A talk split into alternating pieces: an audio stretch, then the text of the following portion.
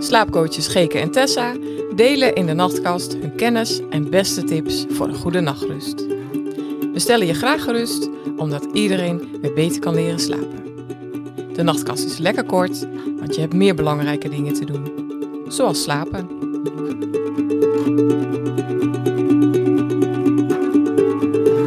Daar zitten we dan. Dit is onze eerste podcast. Wat vind je ervan? Ja, hartstikke leuk natuurlijk. Ehm, ja, deze aflevering die gaat over eh, de route naar uitgerust wakker worden. Uh, onze visie op slaap is dat er vijf thema's zijn die een rol spelen. En uh, in elke aflevering komt er één thema aan bod. Dat klopt. Hé, hey, maar Tessa, ik ben benieuwd. Hoe heb jij nou eigenlijk geslapen vannacht? Ja, dat is een mooie vraag voor vandaag. Meestal geef ik een best wel saai antwoord. Ja, het gaat eigenlijk altijd best heel soepel. maar vannacht lag ik lang naast een wakkere man. Oh? Ja. Ja. Die, meestal slaapt hij als een os. Maar vannacht was er iets wat, wat hem uit zijn slaap hield. Oké, okay, maar dat hield jou ook gelijk uit je slaap? Het hield mij ook een beetje uit, uit mijn slaap, ja, omdat het eigenlijk heel ongewoon is. Ja. En ben je toen op een andere kamer gaan liggen? Of wat heb je toen gedaan? Nee, ik ben lekker blijven liggen. Oh, okay. Maar ik heb wel even gekeken, hij was uit bed gegaan. Dus ik heb wel even gekeken wat hij uh, allemaal aan het doen was, of het allemaal oké okay was. En uh, toen uh, heb ik weer een poging gedaan om de slaap weer te vatten. hey, vandaag gaan we het hebben over een, een aantal punten gaan we bespreken met elkaar. Yes. we gaan het onder andere hebben over de vijf thema's die een rol spelen bij uitgerust wakker worden. We gaan het hebben over de vier kenmerken van een goede nachtrust. Uiteraard gaan we het ook hebben over ja, waarom slapen we nou eigenlijk. Hè? En we delen tips. Maar laten we beginnen bij het eerste. Waarom slapen we eigenlijk? Ja, dat is best een ingewikkelde vraag. Waarom slapen we eigenlijk? We doen het eigenlijk allemaal. Hè? Dus we kunnen er wel van uitgaan dat het belangrijk is. Ja. Um, ook dieren slapen allemaal. Ja, klopt. Ja, jij slaapt, uh, ik slaap. Ja. Ja, als het goed is. Ja, soms Jullie, wel, onze, soms niet. Onze luisteraars, onze luisteraars, onze luisteraars slapen, Sommigen denken van niet, hè? Sommigen denken van dat je, dat je niet slaapt. Uh, mensen die bijvoorbeeld een langere tijd al slecht slapen, zeggen, nou, ik slaap niet. Maar we slapen allemaal. Ja. Uh, misschien niet met de, niet, dat je niet tevreden erbij over bent, of tekort. Dat kan natuurlijk.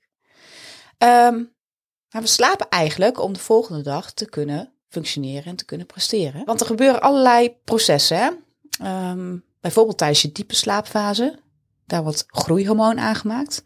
Groeihormoon zorgt ervoor dat je groeit en dat je herstelt. En wat ook interessant is, dat tijdens je slaap je werkgeheugen wordt leeggemaakt.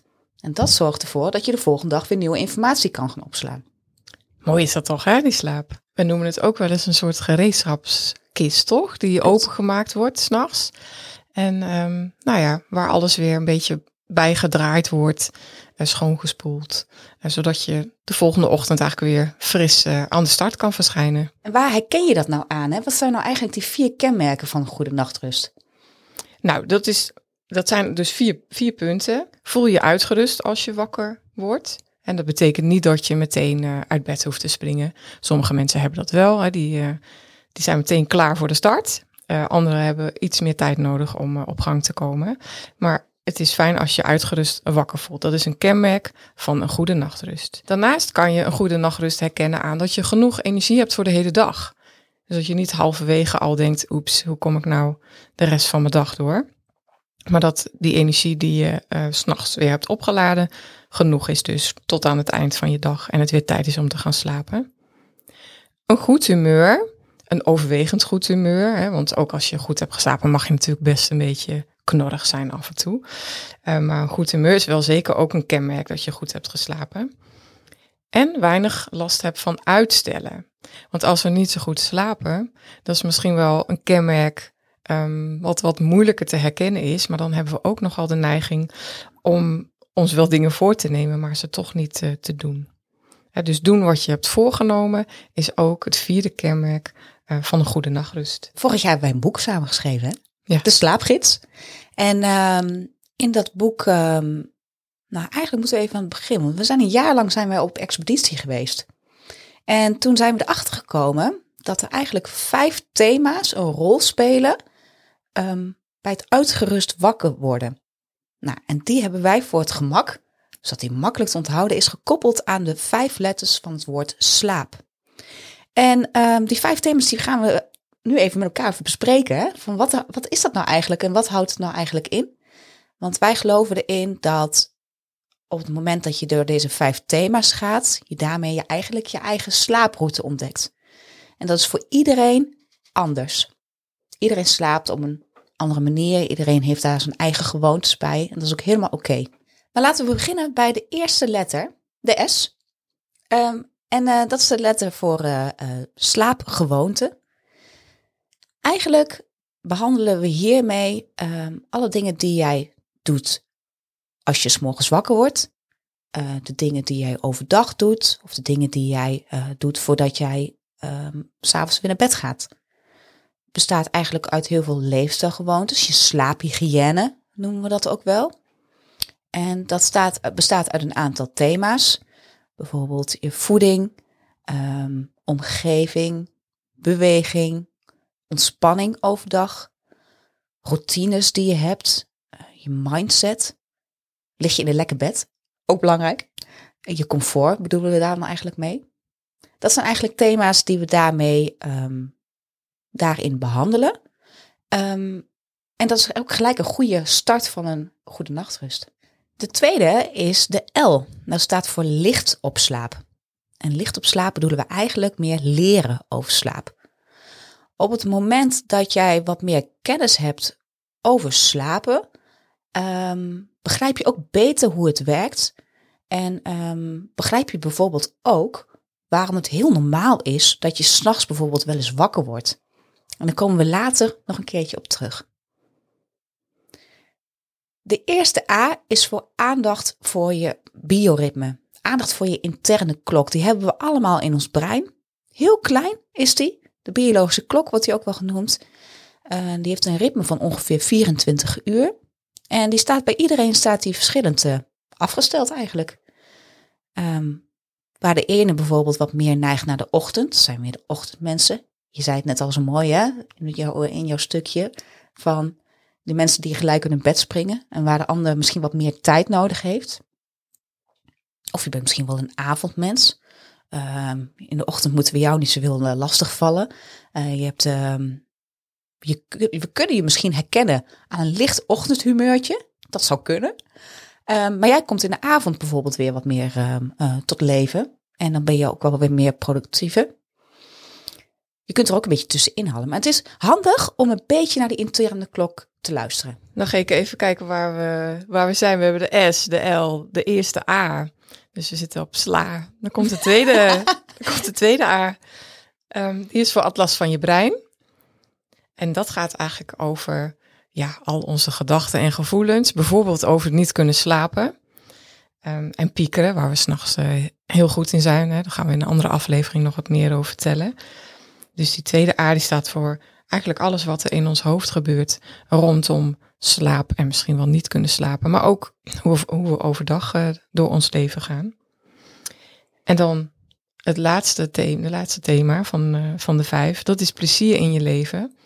Dat had je misschien niet verwacht, maar dat is ook belangrijk voor slaap.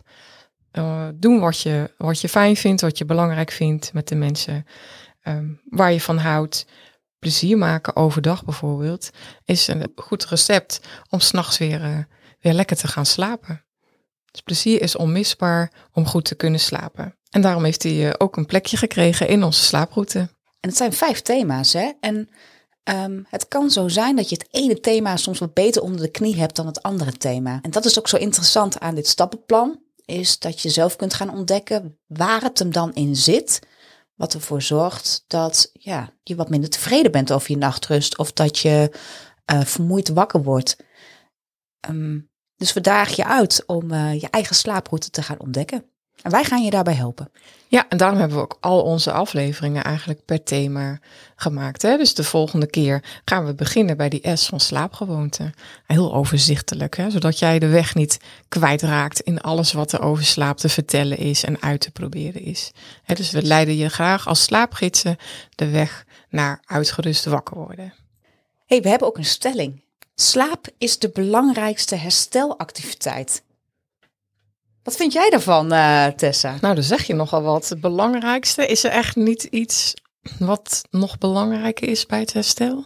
Nou, ik, voeding speelt natuurlijk ook een hele belangrijke Mhm. rol. Maar als je kijkt naar slaap, dus je kunt langer zonder eten en drinken dan zonder slaap. Ja, slaap is echt wel onvervangbaar. Op het moment dat jij langdurig niet slaapt, nou, wat gebeurt er dan allemaal? Kun je daar wat over eh, zeggen, Tessa? Als je langdurig niet slaapt, Ja, wat gebeurt er dan in je lijf? Nou, dan gaat het, loopt het allemaal niet meer eh, zo soepel. De meeste mensen merken het als eerste eh, aan hun humeur. Krijgen een kort lontje of lange tenen. Ehm, concentreren gaat toch ook echt wel lastiger. Ehm, wat ook kan gebeuren als je wat, al wat langer eh, niet goed slaapt, is dat je weerstand omlaag gaat. Je bent eigenlijk vatbaarder voor, voor ziekten die voorbij komen. Je hebt ook sneller last van pijn, bent gevoeliger voor blessures. En we nemen eigenlijk ook meer risico als we een tijdje niet zo goed slapen. Dus we kunnen niet meer zo goed overzien wat de gevolgen zijn van wat we allemaal doen. En wat eigenlijk ook verraderlijk is aan, aan slaaptekort, is dat we vaak zelf niet doorhebben dat we eh, misschien niet zo goed zijn in de dingen als normaal gesproken. Dus slaaptekort, dat merken we vaak zelf niet. Net als eh, misschien, vroeger was het nog wel eens gebruikelijk om met een borreltje te veel op in de auto te stappen. En iemand dacht zelf van, ah, dat gaat eigenlijk best wel prima, dat rijden, dat kan ik wel. En zo is het eigenlijk ook met, met slaaptekort. Dus op een gegeven moment heb je zelf eigenlijk niet meer door eh, dat je misschien wel eens een foutje maakt of dat je veel langer doet over, over je werk bijvoorbeeld. Ehm, we gaan eigenlijk even verder met een, ehm, een voorbeeld uit de, uit de praktijk. Ehm, wij starten eigenlijk vaak, wij geven regelmatig workshops, trainingen geven we ook. En dan starten we eigenlijk vaak de sessie met een soort van line-up. En dan vragen we eigenlijk de deelnemers van, hey, hoe heb jij nou eigenlijk geslapen? En dat vind ik altijd wel heel interessant. Eh, dat is dus, eh, dan stellen we eigenlijk de vraag van, nou, hoe heb jij in de, eh, hoe heb je in de afgelopen twee weken geslapen? En geef jezelf een cijfer. Nou, dan wordt dan een lijn van eh 1 heel slecht naar 10 eh, fantastisch goed. Ehm, en alles wat daartussenin valt. En de deelnemer mag dan een positie nemen op de lijn. En eigenlijk wat ik veel terugzie. En, en wij bespraken dit eh, vorige week. En toen hadden we daar, eh, had jij daar in dezelfde ervaringen. Is dat op het moment dat wij die vraag stellen. Mensen gelijk op hun smartwatch gaan kijken. Van ehm, ja, hoe heb ik eigenlijk geslapen? Nou, ik zal eens eventjes de statistieken erbij pakken. Ehm, en dan ga ik eens even kijken van hoe het er is. Nou, dus iedereen fanatiek op die smartwatch aan het kijken. Om vervolgens eigenlijk een, eh, een positie op de lijn te nemen.